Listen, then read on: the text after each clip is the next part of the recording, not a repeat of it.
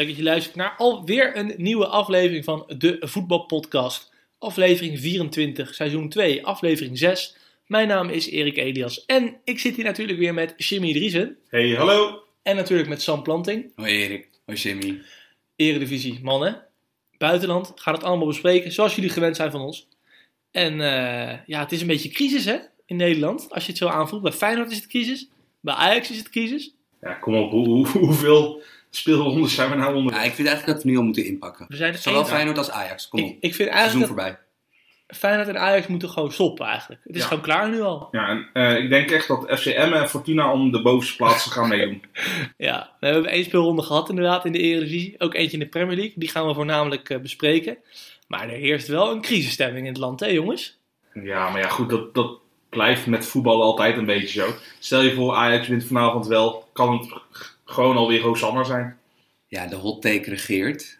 Ja, de, de snelle mening en eh, vooral de verklaringen die je ook voorbij hoort komen van wat er dan mis zou zijn bij die clubs.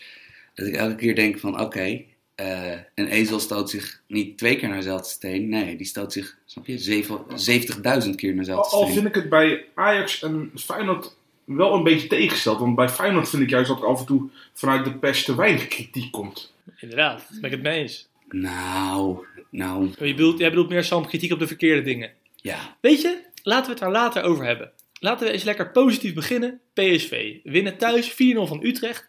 Hele leuke pot gezien in mijn Ja, niet als je fan van FC Utrecht bent en in het uitvak stond misschien, maar over het algemeen als neutrale kijker. PSV, leuk voetbal gezien. Ja, ik, ik, ik heb de wedstrijd ook gekeken inderdaad. En eigenlijk tot de 1-0 ja, was het nog niet heel hoogstaand van beide. Maar ja, goed, als je, als je die individuele kwaliteit met Pereiro en, en vooral Steven Bergwijn hebt. Ja, ik, eh, ik eh, kon er toch wel van genieten. Ik, ik vind het in balbezit nog niet zo heel anders dan onder Cocu. Dat, dat valt me wel mee. Maar in balverlies doen ze wel echt een paar andere dingen. Dat ik denk van oké, het wordt leuker om te kijken dit jaar naar PSV. Nou ja, en eh, sowieso eh, wat ook wel te verwachten was, met dat je, je, ha- je haalt twee van de aanvallend ingestelde backs in de, in de Eredivisie op, met Angelino op links, Dumfries op rechts. Ja, dat gaat ook een, eh, dat gaat voor heel veel ploegen die zeg maar, die kwetsbaar zijn via de flanken, gaat dat gewoon een, Ja, Een probleem in, in de. Eredivisie wordt er gewoon heel vaak nog gespeeld 2 tegen 2 op de zijkant. Dus back en buitenspeler tegen back en buitenspeler. En als je dan Angelino hebt of Dumfries, ja, en dan daarvoor Lozano en Bergwijn. kan je daar de vruchten van plukken. Ja. Dat, eh, ja, ja, het oogde, het oogde eh, heel anders dan eh, tegen Feyenoord. Ja, en, en, met, en met Malen heb je ook gewoon nog echt een, een gigantisch talent achter de hand. Dus ik ben ook nog niet eens zo heel erg bang als een Bergwijn een, een terugval eh, gaat krijgen. Wat hij misschien nog wel gaat doen. Nee. En Malen bewijst voor mij altijd een beetje dat als je als jong talent naar het buitenland gaat, hè, denk Bruma, denk Rick Kiek, en het lukt daar niet, dat je dan altijd nog in Nederland weer een mooie kans kan krijgen. Mm, ja, eerder uitzondering op de regel volgens Ja, maar mij. je- Er zijn, Hoezo? Je moet nog steeds wel goed kunnen voetballen. Want bijvoorbeeld een Kyle Ebesilio, die van Arsenal naar Ja, Twente... maar ja, hij heeft toch bij Twente, toen dat nog een linkerrijtje club was, gewoon een contract gekregen. Ja, klopt. Het vangnet Maar- Eredivisie maar bestaat Twente, hoor. Twente heeft wel meer eh, dubieuze beslissingen natuurlijk genomen eh, die tijd. Dat is waar. Maar ja, goed, ik bedoel meer te zeggen van... We hebben vaak kritiek op jongens die vroeg naar het buitenland gaan. Maar ik heb altijd het idee van, ja, als je dat doet en het lukt niet...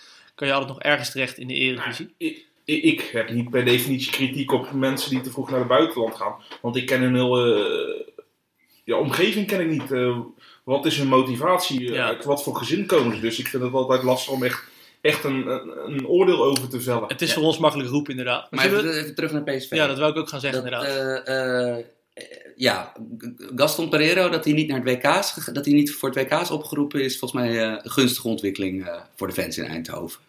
Ja. Want dat is wel zo'n voetballer die dusdanig veel klasse heeft, dat we dat wel eens vergeten. Van, eh, ja, dat, dat gewoon nog steeds, ja, dat is een van de drie, vier beste individuele spelers in deze Ja, competitie. alleen eh, de kritiek was toch vaak dat het een beetje een, een samenvatting voetballer was inderdaad. Van, je ziet hem eigenlijk 80 minuten niet en dan 10 minuten heeft hij wel je briljans. Ja, maar dat is helemaal niet slecht hoor. Als je een jongen hebt die vaak in de samenvatting zit. Kijk, we noemen bijvoorbeeld Sam Larsson is ook zo'n speler waar je dat vaak over hoort. Een samenvattingsvoetballer. Ja, als je zes goede acties hebt in een wedstrijd, waarvan eh, je zet je drie keer een goede paas met iemand voor de keeper en drie keer een goede dribbel, vind ik dat niet erg. Nou, alleen Pereiro laat het natuurlijk wel op eh, topniveau binnen Nederland Gezien, en Larsson niet. Sam absoluut Nee. niet. Ja, nou ja, en misschien een beetje valse start voor Utrecht. Dat, eh, Had ik meer van verwacht. Ja, maar eh, ik, ik weet dat eh resultaten uit het verleden geen garantie zijn. Maar ja, de, Ja. de, de, de cijfers zijn natuurlijk schrikbarend eh, al jarenlang van Utrecht tegen PSV. Ja, dat klopt. Dat is wel waar. Ze hebben het daar traditioneel gezien moeilijk. Maar goed, ook in onze podcast werden ze door jullie getipt als vierde, vijfde, zesde. Ja, kan toch nog steeds? Tuurlijk, maar ik vond, ja, dan had ik er wel graag iets meer van willen terugzien. Ja, maar la- laten we dat even afwachten tegen tegenstanders die minstens zo sterk zijn als eh, Utrecht of minder. Ik ben gewoon een beetje sceptisch, man, over die Ja, ploeg. dat- ik dat ik zie het gewoon niet. Dat Een mag. paar dingen. Ik vond Willem Jansen ook, ook niet goed spelen. Maar goed, dat is dan wel incidenteel, denk ik. Ik mis gewoon een paar dingen bij hun. Eén, eh, gewoon goede backs. Op de zijkanten vind ik ze onderbezet. En ik mis echt iemand, dat heb ik in die voorbeschouwingspodcast ook eh, gezegd. Ik mis iemand die daar gewoon de kansen gaat creëren. Eh, ze hebben Tanane nou gehaald, hè? Ja, ja, Ja, kan je wel schouder op aan doen, maar dat is wel een jongen die wat kan creëren. klopt. Klopt. Ik hoop dat dat geen Bilal Ulchik verhaal wordt, maar inderdaad gewoon een Labiat verhaal. Want Utrecht doet het graag. Hè? Spelers met een krasje halen, dan doorontwikkelen en hopelijk voor een mooi bedrag weer doorverkopen. Ja, maar Tanaan heeft natuurlijk wel iets, iets meer in het clubvoetbal gepresteerd dan Ulci. Ulci is natuurlijk, was, Ja. stond gewoon te boek als een monstertalent uit de jeugd. En dat is gewoon er nooit, ja, gewoon door andere, om, door andere eigenschappen is dat eruit gekomen. Maar eh ja, Tanaan heeft gewoon bijvoorbeeld wel een heel productief seizoen gehad bij Heracles. En, en zakte aanvankelijk bij Saint-Etienne niet door het ijs. Pas dat komt wat Hij heeft gewoon een supergoeie techniek. Nu zat ik naar Van Bommel te luisteren eh, in het interview. En die zei, ja, een paar dingen... Ik, ik ben eigenlijk niet tevreden, zei hij. Een paar dingen zei hij, we hadden snel de bal terug. Maar ik zag nog niet alles wat ik wil zien. Eh, zijn jullie dat een beetje met hem eens als je PSV hebt gezien? Nou ja, met zo'n voorsprong is het sowieso altijd makkelijk praten van wat je ook wilt zeggen. En dan komt het hem ook wel goed uit dat hij de mindere punten kan benadrukken, want niemand zal er overheen gaan vallen. Dus ja, ik, ik weet het nog niet. Nou, ik, eh, eh, dat pressings, pressingwijs gezien is het anders dan in de vorige jaren. Met de druk vooruitzetten. Maar daar waren wel heel veel schoonheidsfoutjes eh, eh, op te betrappen. Nog redelijk elementaire dingen. Ik denk, ik denk dat Van Bommel dat er wel redelijk snel uit gaat krijgen. Bijvoorbeeld eh, in dit geval dat Utrecht... het was ook wel enigszins moeilijker om te pressen. Omdat Utrecht in een 3-5-2, eh, snap je, in, in wezen opbouwde. En dat brengt toch iets andere dynamiek en geometrie met zich mee dan, dan gewoon de klassieke tegenstander die eh, vanuit gewoon een 4-3-3 opbouwt en het zesje probeert in te spelen. Eh, ik vond wel dat ze, ze waren het heel veel kwijt. Ik, de, de- was een fase in de wedstrijd dat ze het even niet meer ja, wisten. tweede, tweede gedeelte van de eerste helft. Maar van de Nederlandse ploegen kan je niet verwachten, ook al krijgen ze niet altijd te veel tegenstand, dat, dat ze deze hoge intensiteit 90 minuten gaan volhouden. Dat kan Ja. niet, omdat je het gewoon niet gewend bent. Ja, en ik vond wel, ik vond hem, de, ik vond Steven Bergwijn, denk ik, de meest imposante speler van de eerste speelronde. Dat denk ik ook, ja. Absoluut. Ja, zeker Ja. tweede helft. Eerste helft wat aanwezig, afwezig, maar tweede helft echt heel, heel, heel veel goede Maar dingen gedaan. Hij heeft gewoon tegenwoordig een eindproduct en hij heeft ook gewoon het overzicht, toch? Dat, eh, dat vind ik bij Lozano af en toe nog wel eens eh, tegenvallen, het overzicht. Maar Bergwijn heeft dat wel. Ja, er zijn heel weinig spelers die zo vanuit de A1 en vanuit Jong... Kijk, Bergwijn heeft ook volgens mij een seizoen in Jong PSV gespeeld. Dat hij zo in één keer in de eredivisie kan. En ik denk gewoon dat het voor hem heel goed is geweest. Ja, moet je Cocu ook gewoon de credit voor geven. Niet meteen in de basis, rustig gebracht. Vorig jaar heeft hij zijn kans gepakt. En je ziet het. Ja, maar we weten niet hoe het was gegaan als hij wel eerder een kans had gekregen natuurlijk. Ja. Nee, dat is waar. Dus En het is wat- lastig. Wat het ook is, het was voor ons een beetje makkelijk om ook van tevoren ook te zeggen van dat hij een monsterseizoen ging hebben. Want eh, ja, de statistieken, de onderliggende statistieken bij Bergman zijn heel goed. Ze waren al goed inderdaad. het was dus echt de, een kwestie de- van dus de, de kans dat zijn daadwerkelijke productie inderdaad de, de, de productie bijbeent die hij al had qua kansen creëren en qua kansen eh, eh, voor zichzelf krijgen. Van, ja, ja, dan is het inderdaad gewoon, daar gaan gewoon doelpunten en assists uit volgen. Heel veel. Ja, PSV begint hartstikke goed. Eh, dat kan je niet zeggen van Ajax en Feyenoord. Welke willen jullie eerst behandelen? Eh, Ajax of Feyenoord? Nou, laten we Feyenoord doen. Oké, nou goed. Feyenoord verliest natuurlijk donderdag met 4-0 van Trentin. Gaan zondag eh, naar de Graafschap met een iets gewijzigd elftal op een paar plekken. En eh, ja, het is gewoon drama eigenlijk.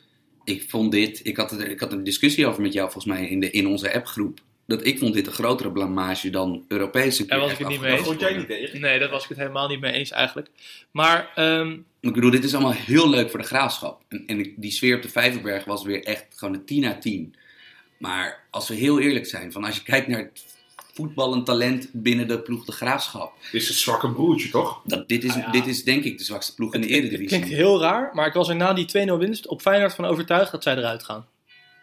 Ja, dat zou heel goed kunnen. Maar dan, dan hebben ze in elk geval... Kijk, als, ze, als je degradeert, maar wel vijf, zes van dit soort momenten in een seizoen hebt... dan heb je volgens mij helemaal niet zo'n zo'n kwalijk seizoen. Als, als het, als, in, in plaats van dat je bloedeloos inderdaad gewoon eh, een jaartje meerolt... Ja, ik bedoel, dit is natuurlijk wel geweldig. Ja, wat zij gewoon moeten doen is wat ze tegen Feyenoord deden. Irritant, fel in de duels, veel tweede ballen proberen te winnen. Dat is, dat is wat zij moeten gaan doen. Maar er mist wel heel veel in die ploeg hoor. En ik zie ze niet, ik zie ze zeker niet boven de 16e plaats eindigen. Nee, maar ja, aan de andere kant... eh, ja, het was inderdaad... Je kan nog ineens zeggen dat dit echt een gestolen resultaat Maar waarom was. vond jij dit, Sam, een grotere afgang dan donderdag tegen Trentin? Nou ja, omdat het niveau van de tegenstander echt aanzienlijk lager lag. Dat Trentin kan voetballen. Ik, ik, en ik ben het er ook wel mee eens. Eh, ook nog het feit van dat Feyenoord aan de wanvertoning nog een extra stukje negatieve glans geeft door de rode kaart. Vooral die van Boetjes. Ja, dat Ja, is... dat is, ja, dat is een blamage is dat gewoon nog. Ja, maar laten we, ben ik helemaal met je eens, maar laten we even met het begin beginnen. Feyenoord heeft dan met elkaar afgesproken van nou, we gaan wat compacter spelen. Ja, Ja, maar tegen een ploeg die zelf al teruggetrokken staat. het was een hele saaie wedstrijd en het was een slechte wedstrijd. Ja, en, en, en, eh, Jordi Klaas was erg veel aan de bal. En Wat op zich geen verkeerd. dat is op zich, dat is op zich geen verkeerd, eh, eh, verkeerde eh, ontwikkeling. Maar hij was, eh, eh, hij was er. Hij was hij oogde roestig aan de bal. Ja, ik, ik vond zondag bij Feyenoord dat de grote spelers lieten het niet zien. Het viel mij donderdag op tegen Trentin. Als die gingen druk zetten, Trentin, dat Feyenoord heel moeilijk over de grond Vente kon inspelen. De spits, die was niet balvast. Ik dacht toen, nou, als je Van Persie daar neerzet, zal het beter gaan. Maar ook tegen de Graafschap, Van Persie als spits in een 4-3, vond ik niet balvast. Die leed veel balverlies. Ik vond Klaasie, zoals jij zegt, roestig ogen. Die is veel aan de bal geweest, heeft weinig de oplossing vooruit ge- gegeven. En Berghuis vond ik ook niet veel creëren. En Ja. als je dan ziet dat in die ploeg Verdonk, eh, Nieuwkoop, Bijlo, die moeten op sleeptouw genomen worden door de ervaren jongens. En die laten het op dit moment ook niet zien in mijn ogen. Ja, maar laten we niet doen alsof eh Feyenoord heel veel jonkies erin heeft. eh. in, in een startopstelling was... Nee, had je- voor Eredivisie Viel mee inderdaad. Ja, Viel mee. had je Sint-Juste, Verdonk en Bijlo als jonkies. En Sint-Juste is eigenlijk ook al een, een semi-veteraan in de Eredivisie natuurlijk. En het feit dat eigenlijk echt Feyenoord echt heel erg afhankelijk is van de tandem van Persie en Berghuis. Ja, en het problematische is dus, wat ik het problematischste vind, is er centraal achterin, dat, dat, dat, dat, dat, ja, dat oogde niet goed. Heeft Bot- één, heeft jaar goed gewerkt. Ja, dus, maar ja, daar heb je ook nog wel opties. Maar eigenlijk je betere spelers die nu niet speelden, die je nu nog hebt achter de hand, zijn Amrabat en Ayoub. En ja, die zijn voor de posities gehaald waar eigenlijk de twee jongens stonden die niet door het ijs zakten, namelijk Tor- Toornstra en Vilena. Want Vilena is denk ik ondertussen ook naast Berghuis denk ik hun belangrijkste speler geworden.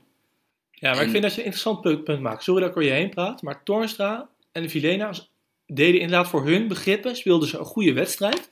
Maar dat zijn geen creatieve spelers.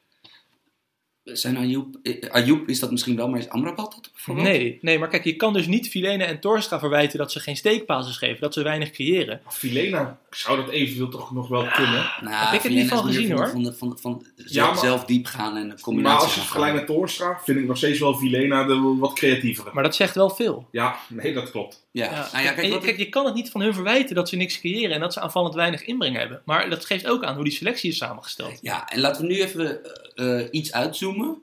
Want eh, ik ga nu iets zeggen wat, wat, wat volgens mij de Feyenoord-fans die deze podcast luisteren, die, die wij ook volgens mij de wereld gunnen, ehm, eh, misschien niet helemaal leuk gaan vinden. Maar ik denk wel eens dat dat kampioenschap, dat misschien de tol voor het behalen van het mooie kampioenschap, dat dat dus nu wel een beetje nazinkt binnen die club. Want dat de, dat de boel misschien toch minder op orde was eh, dan je dacht. Want ja, er zijn een paar jongens weggegaan uit het kampioensjaar. Elia, Karsdorp en Congolo. Kuit is gestopt. Maar ja, er is ook heel erg veel gebleven. En dat, was, dat komt uiteindelijk in een normaal seizoen, wanneer Ajax en PSV, snap je, minder onderpresteren. Ja, daar kom je gewoon echt tekort mee. En Ja, ook in Europa ook. Het, het was niet eens dat Ajax misschien echt onderpresteerde, maar ik, ik wil niet de, het kampioenschap wil ik niet te veel tekort doen door te zeggen dat het alleen maar geluk is. Alleen eh, de, eh, de driehoek eh, achterin Jones, Botteguin en Van der Heijden hadden toen wel echt gewoon alles mee, zeg maar, dat jaar natuurlijk. Ja, maar goed, laten we dat maar even toeschrijven aan het magische woordje flow. En dat daar alles liep en dat het goed in elkaar zat. Als je het nu ziet, Feyenoord, wat Gio, waar hij nu op terug kan vallen, wat hij in heeft geslepen. Is dat gewoon echt te mager. Waarom durft Feyenoord geen harde keuzes te maken? En kijk, als ik nu aan jou, Jimmy of Sam vraag, wat zijn de spelprincipes van Gio? Ja, dat dat na vier jaar nog steeds niet duidelijk is.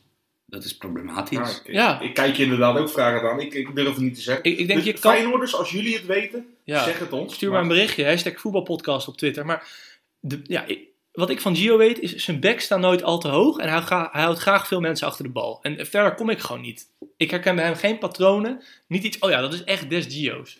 Ja, maar goed. Ze, ze- ze moeten ook niet te hoog staan, denk ik. Ook puur met het verdedigende duo wat je speelt. Nee, natuurlijk niet. Maar kunnen we ook niet zeggen dat er gewoon niet is doorgeselecteerd? Ook Nee, maar daar, daar, daar wilde ik dus naartoe. Ja. Van dat, de, de- die selectie is dus niet op tijd gewoon eh, gezien als een selectie waar, nog, waar nog moest veranderd worden. Ze- door dat kampioenschap. Ze hebben vorig jaar alleen eigenlijk diepte toegevoegd. Maar geen basiswaardige Nee. versterking. Misschien op, hapsdagen later. Ja, van Persie. Maar Ja, ja, ja. Je, weet dus Ja. niet hoe, in hoe, hoeveel minuten je hem gaat gebruiken. Als jij, de, als jij alle beste spelers van de andere eredivisieclubs koopt, is het dus blijkbaar niet zo dat die gelijk eh, jou gaan laten concurreren met Ajax en PSV. Ja, het gat tussen de Eredivisie top en de Eredivisie subtop is heel groot. Ja, al is dat wel weer lastig. Want eh, PSV doet het dit jaar ook, in principe. En we moeten ook afwachten of het, of het goed gaat of niet natuurlijk. Ja, maar die hadden weer een betere kern, denk ik. Dan ja, Feyenoord. ja, dat wel. Maar in principe Ja. kopen die nou toch ook gewoon de Nee, be- die- betere spelers uit de Eredivisie Die weg. doen een eh, Martin van Geeltje, inderdaad. Wat zouden jullie nou nu doen als je Gio was? En dan niet een dooddoener als ja, eh, beter training geven, maar wat zouden jullie nu Harder concreet... werken. Ja, harder werken, meer winnaarsmentaliteit. Wat, nee, maar serieus.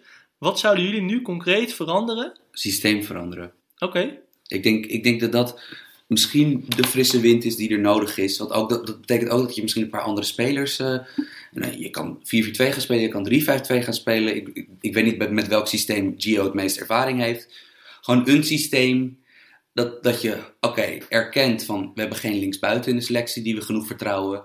Dat je van Persie en Berghuis op de een of andere manier zo positioneert dat het om hun draait. Dat sowieso. Ja, en dan bijvoorbeeld, nou ja, je kan dus een 3-5-2 doen. Kan je bijvoorbeeld Tapia in plaats van die, van die linksbuiten erbij doen. Eh, eh, ja, dat maakt. Ik denk dat, er, ik denk dat zoiets misschien die ploeg nieuwe lang kan geven. Wat zeg maar Koeman in zijn, in zijn laatste periode bij. eh, bij ja, dat zou ik gaan zeggen inderdaad. En, ik, ik zou ook sowieso dat koppeltje achterin uit elkaar halen. Want het is gewoon te, te veel van hetzelfde, vind ik, Van de Heide en eh Bot. Ik denk dat als Feyenoord een goede rechtsback had, dat Sint-Just in het centrum zou staan. Ja. En niet rechtsback, maar ja, hij staat dus wel rechtsback. ja, goed. En Van, van B kan ik natuurlijk ook niet meer pluggen naar eh, na afgelopen week bij Trenchen. Dus eh, Nee, nee, moeten we ook niet af, afschrijven op één eh, wedstrijd. nee. Ehm, ik denk genoeg gezegd over Feyenoord, toch? Ja, ik ben benieuwd. Ik ben ook heel benieuwd. Gio Cannon is het zondag, ik weet niet eens tegen wie ze spelen. Gewoon weer lekker 4-3 en dan kijken hoe, de, hoe het gaat. Ja, het is tegen Excelsior spelen. Ja, thuis, thuiswedstrijd. eh, één. Nou, tegen de mannen van Adrie Poldervaart moet je het nog maar zien. Ja, niet op het kunstgras, dus van even- even... kan vlammen. Even tussendoor, Erik appte ons dat ook, maar wat een bijzonder sympathieke Kwam man. leuk voor de dag inderdaad, Adrie Poldervaart. Dat, eh, dat hij ook gewoon, wat zei hij ook alweer? Dat hij heel erg, eh, wat, dat, hij, dat hij net voetbal had gezien? Of- Deftig voetbal. Deftig voetbal. Dat vond, ik- vond, ik een mooie, vond ik een mooie uitspraak. Nee, die komt met stip binnen in de top 3 van de meest sympathieke eredivisie trainers. Absoluut. Nou ja, en er komt ook nog een andere met stip binnen, denk ik. Slutski. Slutski. Ja, Daar gaan we het later ook nog even over nou, hebben. daar moeten we nog maar een andere podcast over maken over de meest sympathieke trainers. Nou, ik wilde één ding zeggen over Sloetski. Wat mij opviel, daar was ik, ik was daar echt heel erg trots op, dat hij, hij in dat interview na de wedstrijd maakte hij een onderscheid tussen het afmaken van kansen en het proces eh, wat leidt tot het creëren van kansen. Oké, nou, En dat hij dus eigenlijk heel helder in het Engels, in het, in het heerlijk Russisch Engels, aan de, aan de Fox-verslaggever uitlegde van ja, ehm 5-1, geweldig onze kansen afgemaakt, maar procesmatig viel het allemaal mee hoe goed dit was.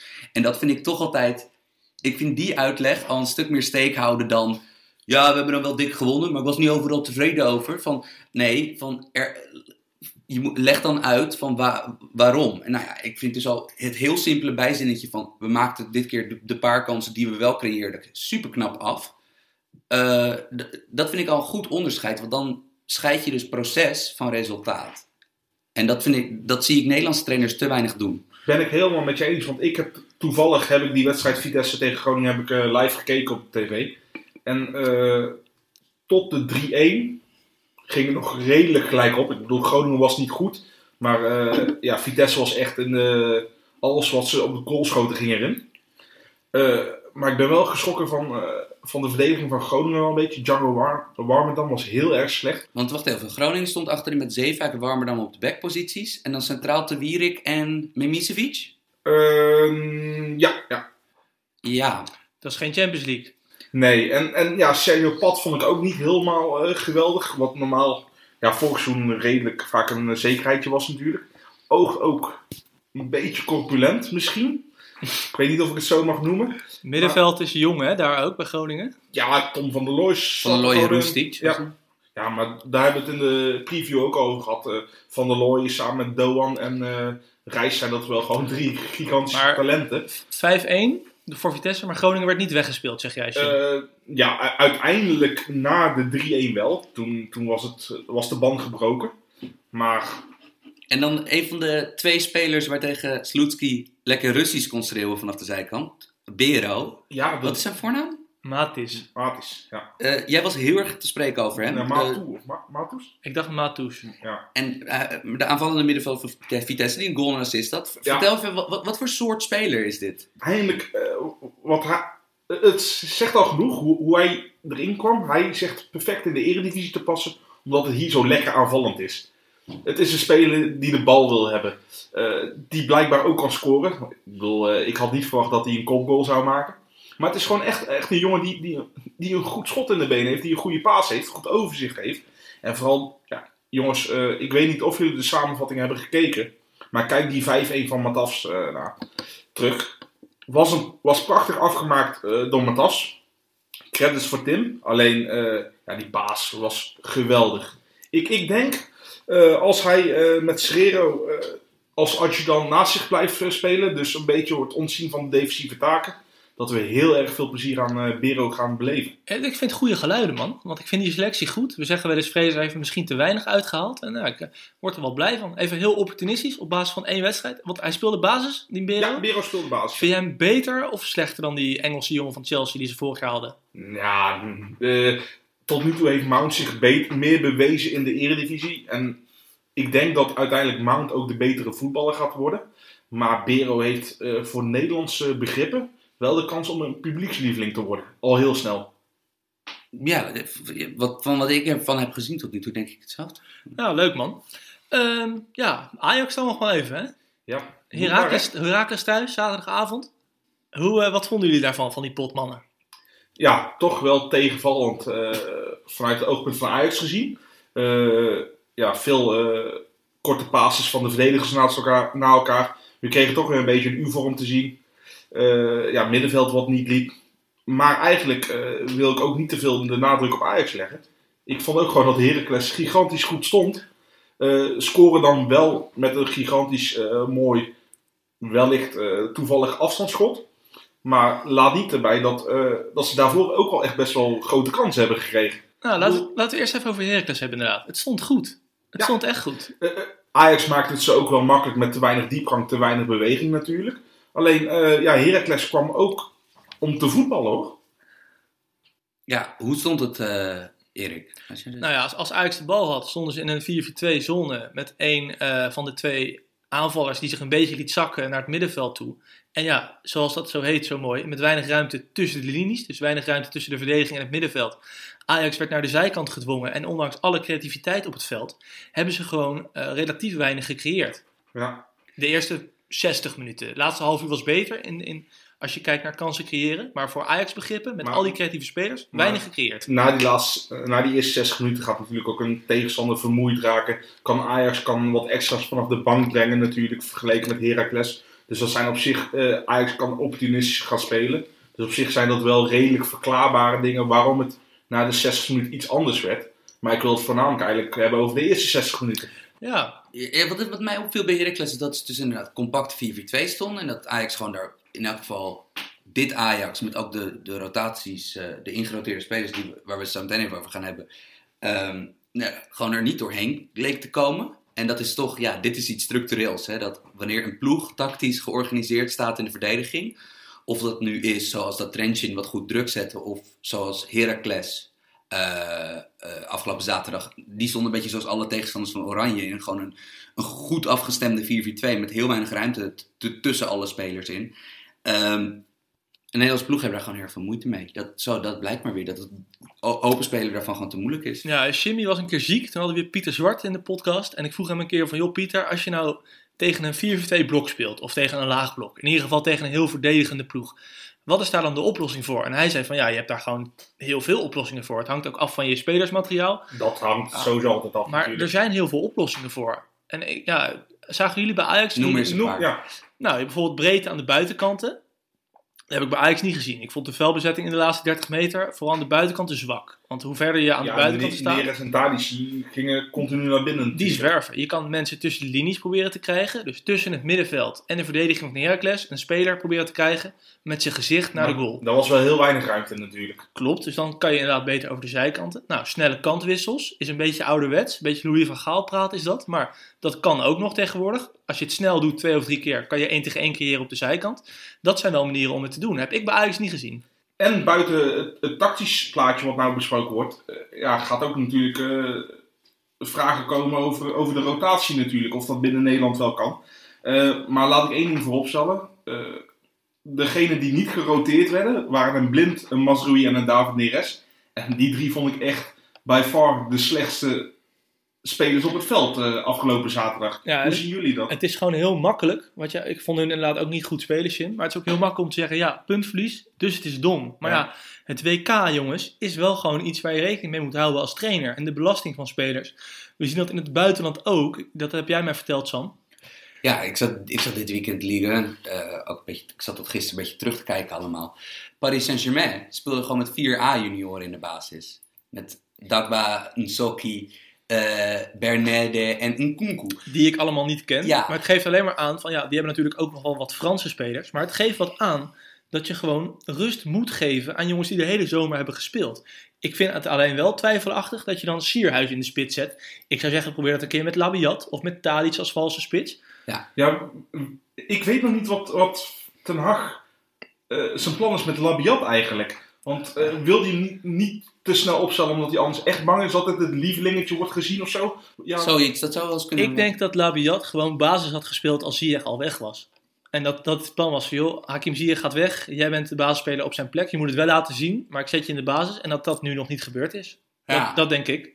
Ja, en eh, eh, wat met die rotatie ook weer bleek, gewoon, ja, dat centraal, Ajax gaat dus nu druk, zet druk vanuit de 4-4-2. En de kwetsbaarheid is heel simpel. Van het, dat centrale duo op het middenveld. Van dat is, daar is verdedigend gewoon wat te halen. Dat is uiteen te spelen. Dat is niet zo goed georganiseerd nog. En ik vind ook dat de press. eh, de press hi- stokte kennelijk na de eerste helft tegen Standaard. En dat is ook wel grappig, want Ajax heeft 2,5 wedstrijd goed gespeeld. En een anderhalve wedstrijd minder. Mhm. Tweede helft Standaard en, eh en tegen Heracles. Maar je bent zo goed als je laatste wedstrijd binnen het voetbal. Ja, Ik vind wel, sinds Ten Hag er zit, winterstop vorig jaar.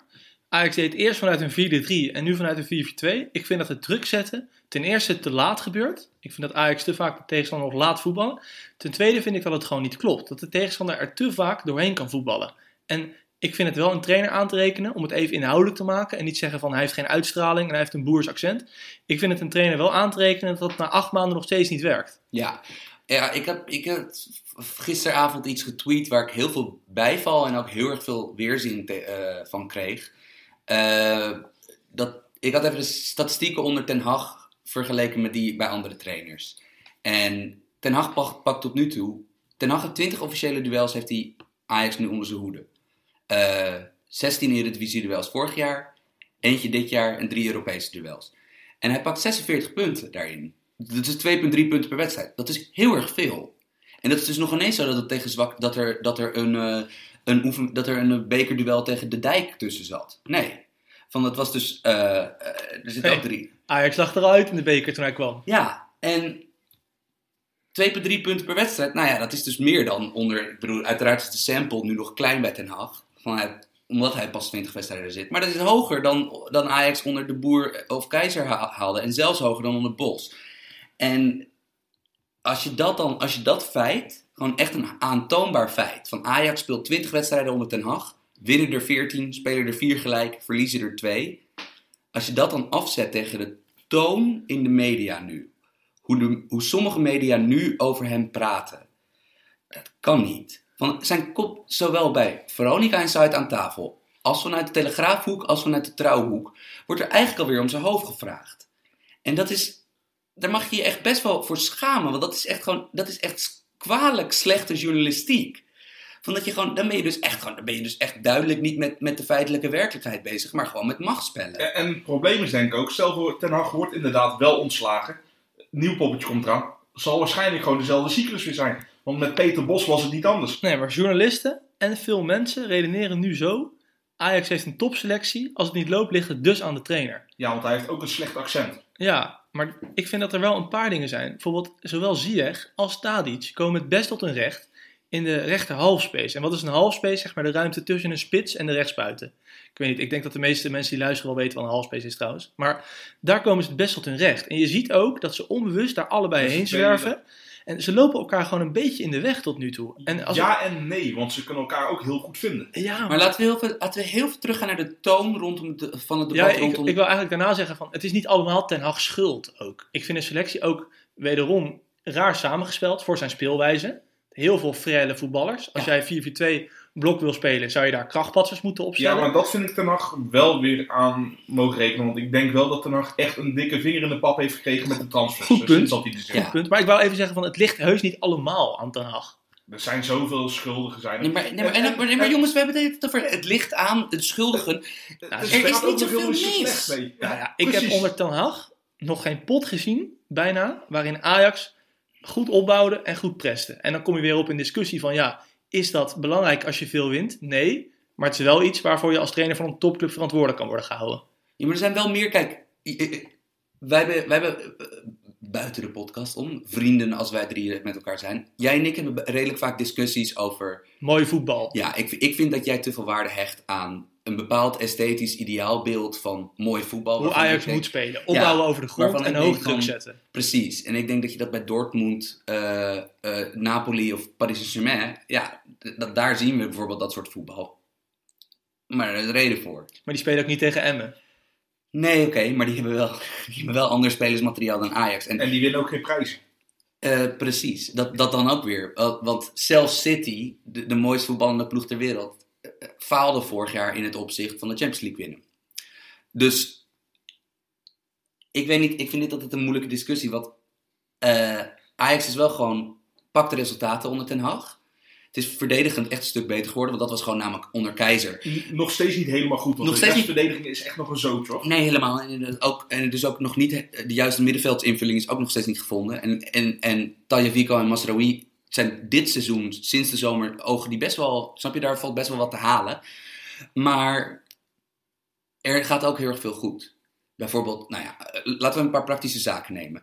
Ajax is eh, defensief meer solide geworden dan onder Keizer. Want daar was het gewoon echt kwetsbaar. Ik bedoel, als de Rosenborgs van deze wereld je weg kunnen counteren, dan, dan klopt Nou, er bijna elke ploeg had onder Keizer een paar counters tegen Ajax. Ja. Ja. Gevaarlijke counters. Nou ja, wat ik daarnaast eh, goed vind is het, is het bijsluiten van. Er is, sinds kort is er echt het bijsluiten in de 16 van andere spelers dan de centrumspits. Van er, zijn gewoon, er, er zijn veel doelwitten te vinden voor lage voorzetten en voor steekbasis in de 16. Nou, kijk maar naar de productie van Neres, die ook eh, through the roof is gegaan.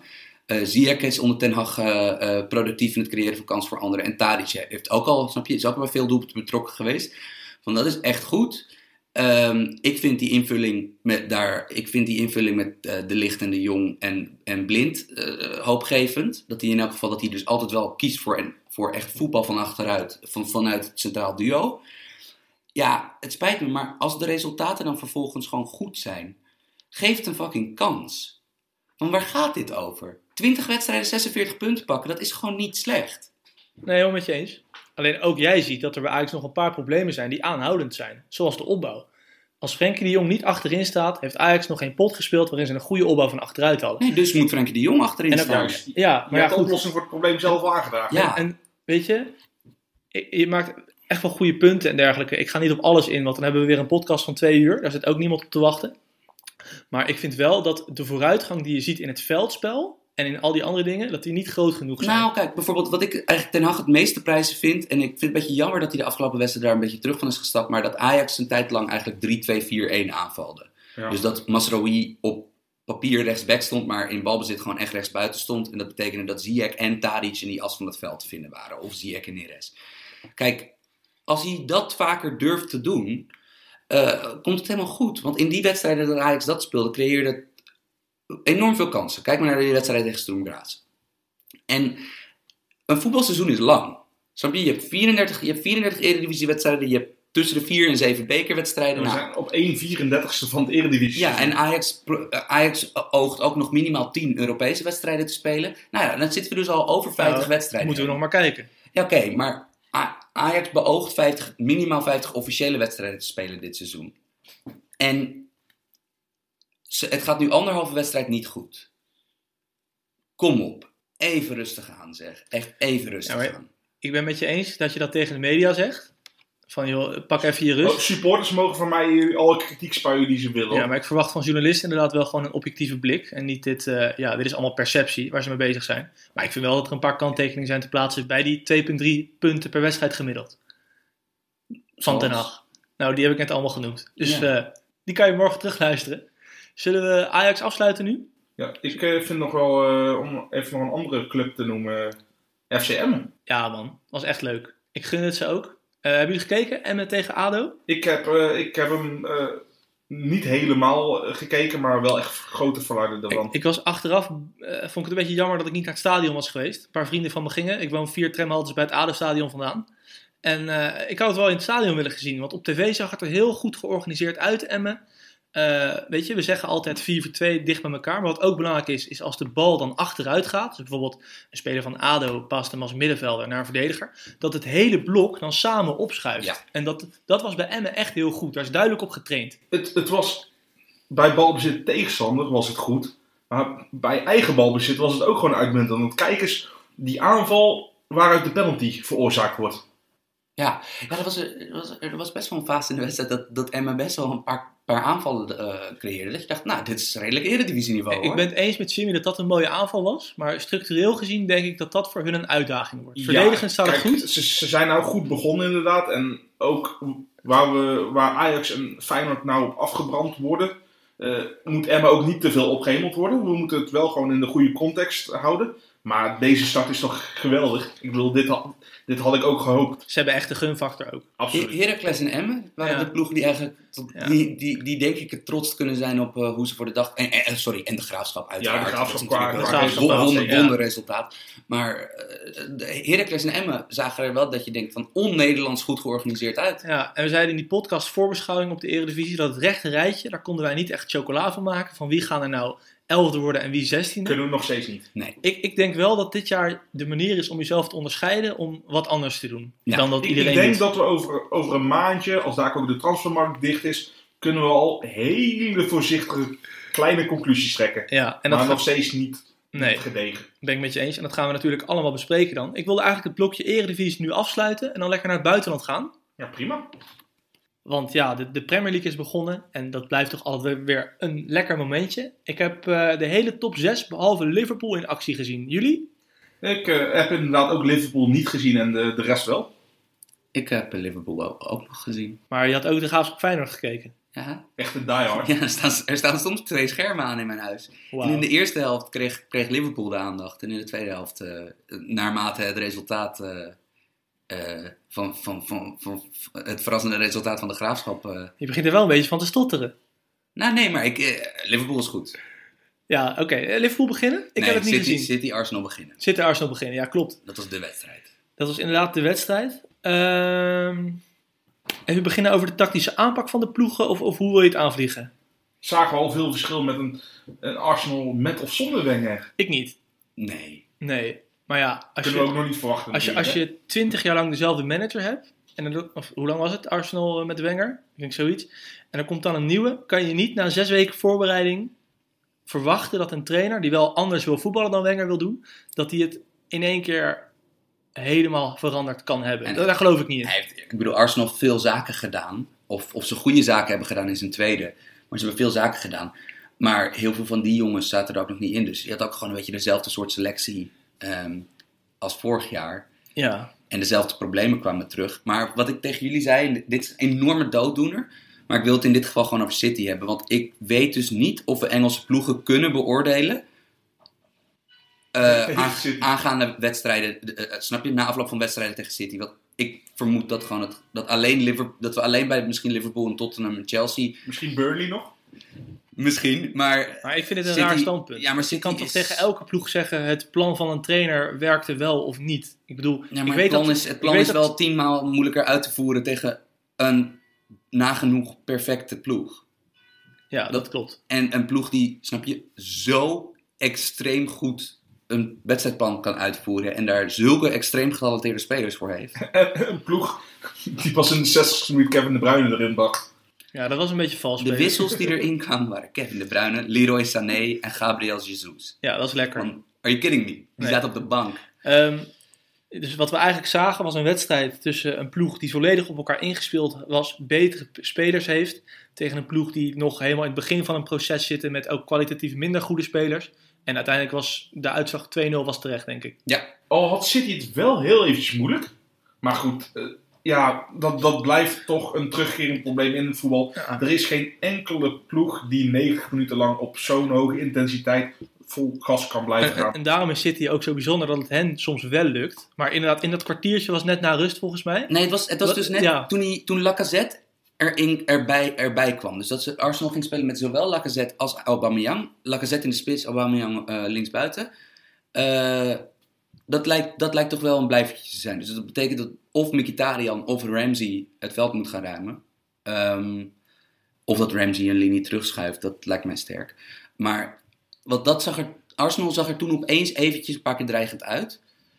Maar Nadat ze al een helft wel redelijk weggespeeld waren. ze werden helemaal weggespeeld in de eerste helft. Want ja, eigenlijk Emery is een Spaanse coach. En ik wil niet zeggen dat hij op Guardiola lijkt. Maar die wil ook een opbouw van achteruit spelen. En ook eh, met korte passes op de helft van de tegenstander komen. Nou, dat probeerde hij ook met Arsenal tegen eh, City een paar keer. Dat lukte totaal niet. Nee, en ook City, een, eh, een risicovolle keuze op het ja. middenveld. Hij had dus naast, had in de dubbel pivot op het middenveld, naast Saka had hij, eh, Guendouzi. ja, Guendouzi, een Ja. krullenbol eh, uit Frankrijk. Die, die speelde vorig jaar bij Lorient in Ligue 2. ja, en hij wilde, 19. hij wilde dus gaan opbouwen tegen een van de best pressende ploegen van Europa. Met Tsjech, Socrates, Mustafi, Guendouzi en Chaka. Ja, Als achterste vijf, zeg Ja. maar. Ja, dat kan gewoon niet. Nog niet. nee, dat kan nog niet. Dus dat hebben we gezien. Die halen niet de Olympische eh, limiet qua sprint, hè? Nee, ook niet. En ook niet qua, qua aannames en passing. Maar goed, ik ben benieuwd naar Emery. Wat eh, verwachten jullie daarvan de komende maanden? Ja, vind ik echt nog lastig te zeggen. Want bijvoorbeeld, eh, hij maakt nou al een keuze die ik niet verwacht had op doel, bijvoorbeeld. Ja. Ik, ik, ik had toch eerder een, een Leno verwacht op goal. Leno is toch meevoetballend sterker dan Tsjech? Ik verwacht een... eh, Tsjech speelde trouwens wel een goede wedstrijd, moet, moet ik gezegd hebben. Kie- Keepend speelde die goed. Ja, alleen ik, ja, ik- Tsjech is geen topkeeper meer.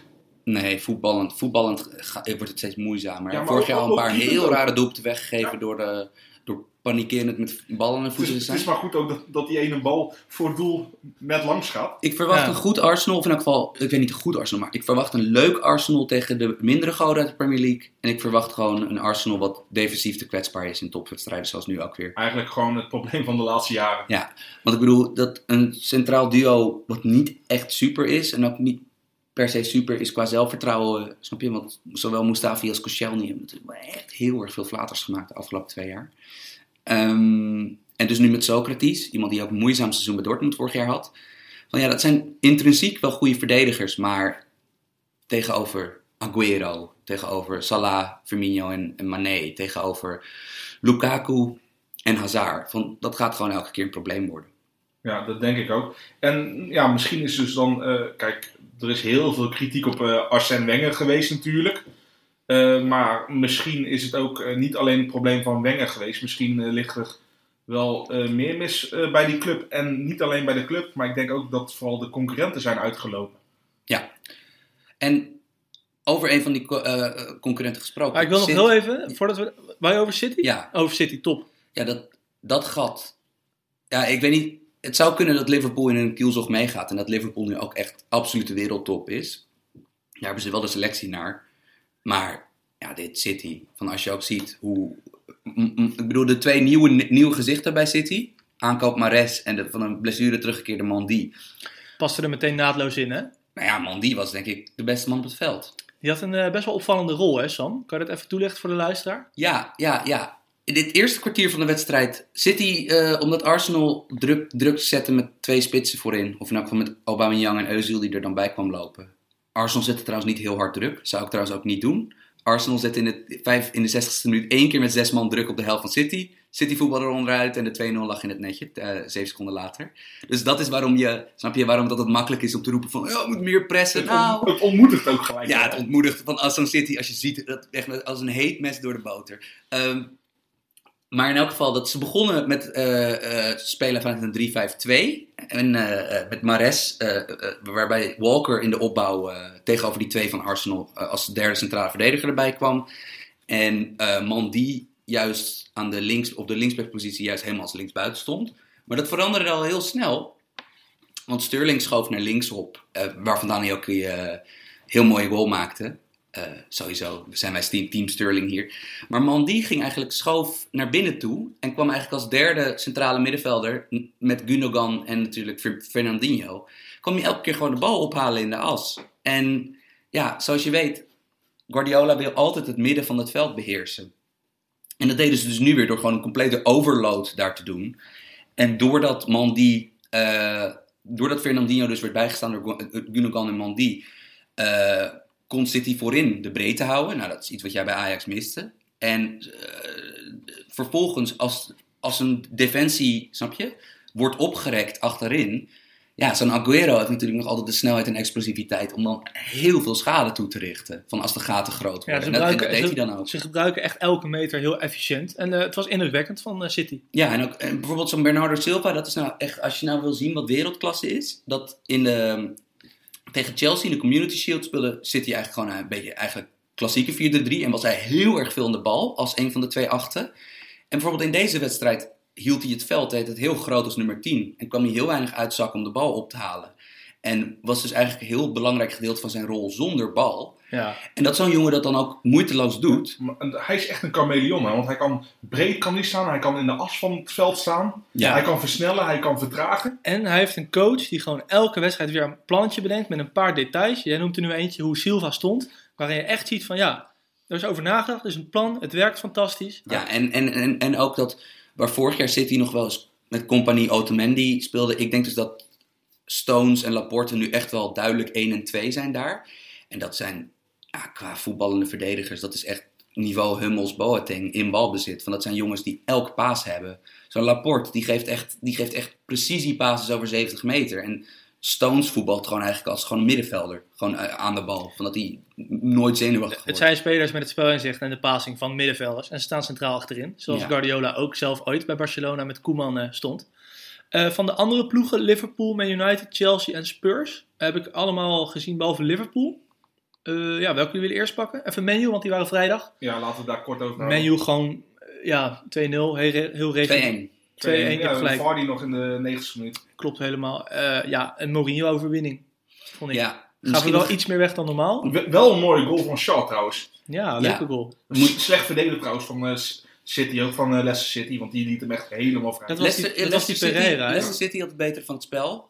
Maar aan de andere We kant, hebben teams vaak tegen United. Ja, maar aan de andere kant wacht ook heel veel af hè, van eh, United speelde zonder Valencia, zonder Young, zonder Matic, Ja. zonder Lingard eh, en zonder Lukaku. Die kwam er pas later in. ja, Ehm, ik zag bij Man United wel echt weer de dingen die je bij Mourinho die je altijd ziet. Aanvallend geen idee, tegenstander laten komen.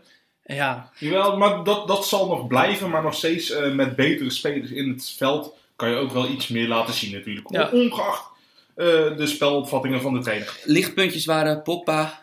Pogba speelde erg goed. Andreas Pereira, Pereira. eeuwig talent. Die eh, ook nog bijna ooit naar PSV zou gaan, toch? Nee, die, die komt uit de jeugdopleiding van PSV. Oh, oh, dat was... Dat Ja. was serieus? Dat, eh, Ja, dat normaal gesproken... Belgische Braziliaan is dat. En die is toen eh, op jonge leeftijd van eh, PSV naar Man United gegaan. En dat is normaal gesproken is dat de spelmaker op de buitenkant. Maar die is, eh, eh, eh, speelde als eh, nummer 6.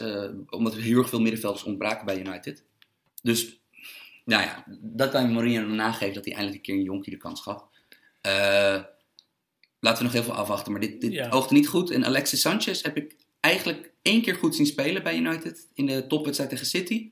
Voor de rest is die tot nu toe eh oogde hij niet best. Hij speelde vrijdagavond echt heel slecht. En als je bedenkt dat hij hun best eh, betaalde speler is, met 385.000 pond per week. Al wordt de pond wel een stuk minder waard de, de laatste tijd. Wees blij dat hij niet de li- eh, Turkse lira wordt betaald. Ja, maar toch, dat is wel eh, raar. Eh, Spurs speelde uit bij Newcastle. Was vorig jaar ook de eerste wedstrijd van het seizoen. Eh, ja, leuke wedstrijd, omdat er veel goals werden gemaakt uit relatief weinig kansen. Na 17 minuten stond het al 1-2. Spurs gewoon op zijn Spurs. Ja, maar Degelijk. kregen toch nog best wel wat kansen tegen van, van die Diamé eh, op de paal. Ah, ik heb die pot live gezien. Ik vond dat in de samenvatting zou je denken dat Newcastle echt nog een kans had. Maar ik vond het in de praktijk zelf wel Ja, meevallen. het, het is wel, laat ik zo zeggen, ik vond het wel inderdaad een verdiende overwinning.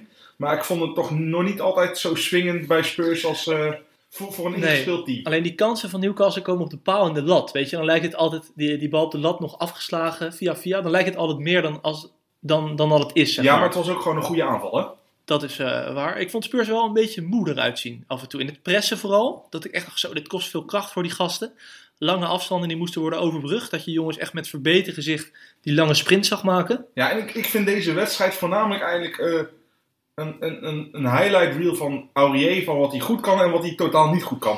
Ja, Ja. dat is een achtbaan voetballer. hè? Ja, Een wat? een achtbaan. Een voetballer, achtbaanvoetballer, ja. Ja. Ho- ja, hoge pieken, diepe dalen. ja. Want die voorzet op Ellie was briljant. Ja, en ook heel vaak verkeerde keuzes maken in balbezit. eh, Weer een bi- bizarre overtreding. ja, Ja. dat, dat gaat er niet Maar uit rechterkantje daar was eh Sissoko. Aurier. Sissoko mocht een beetje naar de buitenkant uitzakken af en toe. En, eh, En Lucas Moura. Moura. Ja. Maura Moura.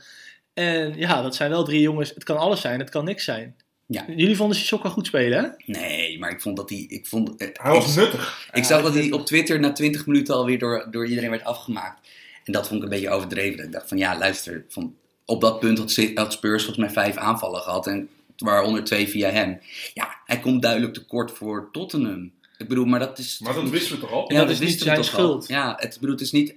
Als het bij Tottenham niet loopt, is het niet meteen zijn schuld. Nee, maar het zag er lullig uit omdat hij twee vrije ballen had die hij vooruit wilde spelen. En die leverde hij in bij Newcastle. Ik vond wel de tactiek van Spurs was iets anders dan normaal. Zou ik niet een heel lang verhaal ophouden, maar Ellie speelde echt een stuk meer naar binnen. Ja. En eh, Christian Eriksen een stuk hoger, waardoor het bijna een soort 4-4-2 ruit werd. Eigenlijk moest Davies veel meer eh, ja, opkomen. Ja, en dat was wel leuk. Misschien gaan we dat vaker zien de komende weken. Het is in ieder geval mijn favoriete ploeg in Engeland. Dus ik ga ze zeker in de gaten houden en zal daarover praten in deze podcast. Ehm, Chelsea, thuis tegen... Nee, uit bij Huddersfield. Ja, Ja. Nou, vond ik wel wat problemen hebben in balbezit, moet ik zeggen. Tegen dat, daar komt hij weer, lage blok van Huddersfield. Mm, kijk, Huddersfield. eh, eh, eh, ik, zag, ik hoorde ook een statistiek dat Huddersfield volgens mij in de laatste tien wedstrijden. dat ze drie doelpunten hebben gemaakt. Ehm, in de laatste tien officiële duels. Huddersfield is gewoon een defensief goede ploeg. Die Wagner heeft het goed neergezet. Ze hebben niet echt aanvallend veel talent. Eh, ik vind dat verdedigend wel, waaronder Congolo, best wel een paar aardige spelers rondlopen. Ehm, ik, vond, ik vond Chelsea, je zag al in balbezit van, eh, nou ja, Sarri gaat duidelijk gewoon zijn, zijn, zijn Napoli-speelstijl eh, daar proberen te implementeren. En is daarbij goed op weg. Nou ja, wat het, is, voor, wat het vooral is, het is gewoon leuk nieuws. En eh, waar ik heel erg naar uitkijk is, want Morata oogde voor de tweede keer op rij. eh, in de Community Shield was dat al dramatisch en dat was tegen Huddersfield weer een vis op bedrogen. Ik hoop gewoon heel erg dat in die 4-3-3 van Sarri, dat Ha- Hazard als spits gaat spelen met Pedro en Wiljan op de flanken. Een soort valse spits. Ja, gewoon zo in, de, in die Mertensrol. Ik zou dat Ja. heel graag willen zien. Want ik denk, dat, ik denk dat dat heel erg mooi voetbal kan opleveren. Helemaal omdat Hazard gewoon ook nog een paar klassen beter is dan Mertens natuurlijk. En eh, wat me vooral af, opviel ook is, eh, bij Jorginho loopt het nog niet echt helemaal goed. En hij kan wel zijn stempel drukken. Laat staan als hij dadelijk wel is aangepast aan, aan de maatstaven van de Premier League. Dan, ja, dan is het gewoon echt een, een topmiddenvelder hoor. Veel teams gaan hun, denk ik, hun tactiek beginnen met hoe gaan we Jorginho niet aan de bal laten. Want daar begint wel vaak het voetbal mee. Ja. Maar ja, ik vind jullie heel positief eigenlijk. Ik vond de eerste helft van Chelsea niet zo goed. Nou ja, lu- luister. Premier League, die, die rechterrijtjesploegen in de Premier League, die kunnen, Zijn die kunnen- taai. Ja, die kunnen wel wat, zijn taai. Van, sommige ploegen kunnen echt verdedigen. Newcastle en Huddersfield, die we toevallig net bespreken hebben. Dat zijn bijvoorbeeld ja, voorbeelden van ploegen die echt goed staan. En ook jongens hebben die, snap, snap je, niet zo 1, 2, 3 zullen verzaken. En, en waren je, hoe waren je verwachtingen van Chelsea? Had je al verwacht dat...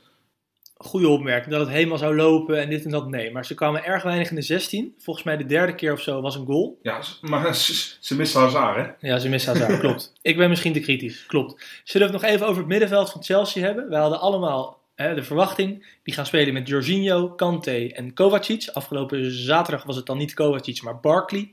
Ross Barkley als linker middenvelder. En van Kovacic, Kante en Jorginho zeggen wij allemaal... goed middenveld, kunnen één ding niet, goals maken. Ja, daar, Nou. dan wil ik eigenlijk helemaal eh, voor onze Twitter-vrienden die eh, Daniel kennen, het voetbalgeneuzel. Ik citeer letterlijk een tweet. Ik zie mensen zich verheugen over een middenveld van Kante, Jorginho en Kovacic. En dat is allemaal prima, maar daar zit ongeveer twee goals in. Niet echt heel fijn. Nou, die twee goals hebben ze al gered, eh, Ja. gered inderdaad, dus dat is mooi. Eh, dus voor de mensen die nog goals gaan verwachten van dit middenveld, zit er niet meer in dit jaar. Nee, dus dat is eh, klaar. Nee, maar zonder gekheid, dat is natuurlijk grappig. Maar Kante maakt een volley Ja. met zijn verkeerde been. Doet hij nooit meer. Is niet heel herhaalbaar. En Jorginho mag de penalties nemen. En als Hazard terug is, mag Hazard die waarschijnlijk nemen. Maar het is wel grappig inderdaad. En we gaan zien wie daar de goals gaat maken. Dat is het grote vraagstuk. En inderdaad, als Hazard als valse 9 gaat spelen. De 3-0 van Pedro, dat was voor 95% Ja. Hazard zijn goal. Die speelt drie man uit. Ja, gewoon een wereldvoetballer. Als die daar blijft, wordt het echt heel leuk om te zien. Een Hopelijk. grote als inderdaad. Ja. Chelsea, Chelsea zal toch onder geen beding meer laten gaan hoeveel er ook Dat denk ik ook binnen, niet. binnen gaat komen. Anders heb je gewoon een verloren seizoen. Ja, of je moet 150 miljoen van Real of Barça krijgen. Nou, die, ik weet dat, zelfs dat bedrag... dat niet gaan ze wijken, dat gaan ja, ze wijken, Ik, hoor. denk dat ze... Je kan er niks meer voor terughalen. Ja. Ik bedoel, dat moet dus echt in een Neymar-regio. Dus echt dat we boven het, ruim boven de 200 miljoen Met, zitten. met Dat- 150 dat- zou die de één na duurste speler ooit zijn. Ja, maar, maar, Ja, maar dat hoe, gaan alle seizoenskaarthouders van Chelsea zich voelen als de transfermarkt dicht is en jouw enige wereldtopper, want ja, dat, ik denk dat Chelsea één echte Tuurlijk. wereldtop, ja, Kanté Kan trouwens ook. tegen. Maar daar koop je toch minder snel een seizoenkaart voor dan Hazard. Als ze die verkopen en ja, ja je zet eh Giroud in de spits. Ja, Ja, dan zou ik mijn geld terugvragen. Jij toch ook? ja, dat kan je je fans niet aandoen inderdaad. Dan hadden we op de zondag nog Liverpool, half drie. eh 4-0 gewonnen. Sam, jij hebt die pot gezien? Zeg het maar. Ja, de, eh, genuanceerd als wij zijn, altijd meteen even een asterix erbij van Pelleg- Ple- Pellegrini, die, die trainer die vroeger bij City zat, die ze, eh, voor, voor de Pepper kwam. Die zit nu bij West Ham en die gaat duidelijk eh, zijn speelstijl erin hanteren. Liverpool speelde tegen West Ham. Ja, en, en West Ham eh, redelijk. En, en eh, die Pellegrini is een aanvallend ingestelde trainer. Dus die gaat uit van eigen kracht, hoge laatste lijn. En ja, een hoge laatste lijn tegen. eh, zeker in je eerste officiële wedstrijd als West Ham zijnde tegen die, tegen die snelheid van Liverpool voorin. Dat is een beetje kamikaze. En dat, dat was het ook. Maar wel leuk voor de kijkers dan, toch? Het was, het was enorm leuk. Want ik bedoel, Mané, Mané, Salah en Firmino maakten er weer een show van. Eh Wijnaldum en Milner op het middenveld. Die eigenlijk dus waarschijnlijk hun plekje een beetje kwijtraken door de nieuwe aankopen. Die speelden erg goed. En Naby Keita, waar wij vorige week een lofzang over hebben gehouden in de Premier League Preview Special. Die oogde ijzersterk in zijn debuut. Bij zijn debuut. Die was echt goed. Die was echt heel goed. Dus als ik jou eigenlijk hoor, 4-0, maar met kanttekeningen. Ja, terwijl er even een, eh, een kerkklok afgaat hier. Ik hoop dat het niet al te erg verstoort. Eh, waarom gaat hij over? Het is kwart over twaalf. Bruiloft? Is het een bruiloft? Nou, jongens, veel, veel geluk samen de komende 40 jaar. De helft van de huwelijk en strand in de schijn. Ja, nou hopelijk jullie niet. Eh, Liverpool, als ik jou zo hoor, 4-0, maar kanttekeningen. Nou ja, prima. Het oogt echt, echt, echt prima. Nou, het, het, het grootst opvallende ding vond ik. Ik heb eh, de wedstrijd dan niet eh, live gezien, maar Sturridge heeft gescoord. Ja, ja, ja. Eh, ik denk, ik denk dat, dat, dat er niet heel erg veel bij zullen komen. Maar hij zal, hij, zal, hij zal heel vaak de laatste zeven of acht minuten mogen spelen. Het zal die een beetje met Solanki, eh, die we van Vitesse kennen, zou die om, om gaan strijden. Eh, ja, Sturridge is echt een kaars die snel uitgedoofd is, hè? ja. Hij had in het seizoen 2013-2014 met Brandon Rodgers scoorde hij volgens mij 21 goals. Ja. Nou, dan hebben we de top 6 gehad. Kan, we kunnen niet met z'n drieën beloven dat we elke week de hele top 6 gaan kijken van de Premier League. We willen ook het rechterrijtje gaan belichten en andere competities. Maar voor nu denk ik een goede samenvatting van het openingsweekend van de Premier League. Ja, ik, hoop het. Ja, eh, anders moet je maar gewoon laten weten op hashtag voetbalpodcast. Hebben we nog twee rubrieken. De eerste is eh, de hot take. Nou, die konden we niet echt vinden. Totdat we vanochtend eh, de nieuwe voetbalpodcast van de NOS luisterden. Ja, die kan je eigenlijk in zijn geheel eh, beluisteren. Dat is gewoon één grote hot take. Dus ga dat zeker doen. Jongens jongens bij de NOS, wees beter. Jullie krijgen, jullie krijgen goed betaald om, om voetbaljournalistiek te bedrijven. Het hoeft niet een en al mening te zijn. Nee, een beetje feiten tussendoor zou leuk zijn. Maar als je deze sectie leuk vindt met hot takes, die we altijd gooien. En die we altijd uitzoeken. Ja, ga dat zeker even luisteren, want het is genieten geblazen. En eh, dan gaan we nu naar de laatste rubriek, namelijk de, de mailback. Er waren twee vragen in de mailback. Eentje is van Yuri U. Die vraagt, Hoeveel krediet heeft Ten Hag? Nou, ik denk dat we in het Ajax-deel Ten Hag en alles daaromheen goed besproken hebben. Uh, over de vraag van het krediet. Ik denk dat Overmars en Van der Sar, die weten donders goed dat als ze nu Ten Hag eruit gooien, dat dat heel slecht op hun afstraalt. Dus ik denk dat Ten Hag eigenlijk wat er ook gebeurt dit seizoen bij Ajax afmaakt. Tenzij die echt uh, vierde staat opeens met Ajax, maar dat gaat niet gebeuren. Dus ik denk dat we er redelijk zeker van kunnen zijn dat Ten Hag dit seizoen afmaakt als trainer van Ajax. Toch? Ja. En uh, dan hadden we nog een vraag van Bas van der Lauw. Die vonden we heel leuk, Bas. Maar die houden we even nog een week vast. Die komt volgende week maandag. Het gaat over het Europees voetbal. Het gaat over Europees voetbal. Dat is best wel een leuke vraag. Daar gaan we volgende week maandag over praten. Dus uh, dat was hem weer. Dankjewel uh, voor het luisteren. Mocht je nog vragen hebben of je wil meepraten of een vraag insturen voor de mailback, kan dat op hashtag voetbalpodcast op Twitter. Je kan ons een mailtje sturen op uh, devoetbalpodcast.gmail.com Of als je mij, Sam en Jimmy weet te bereiken met een WhatsAppje, een mailtje of wat dan ook, schroom niet. Vinden we leuk. En we zijn er doorheen. Dankjewel voor het luisteren. Tot volgende week. Yo.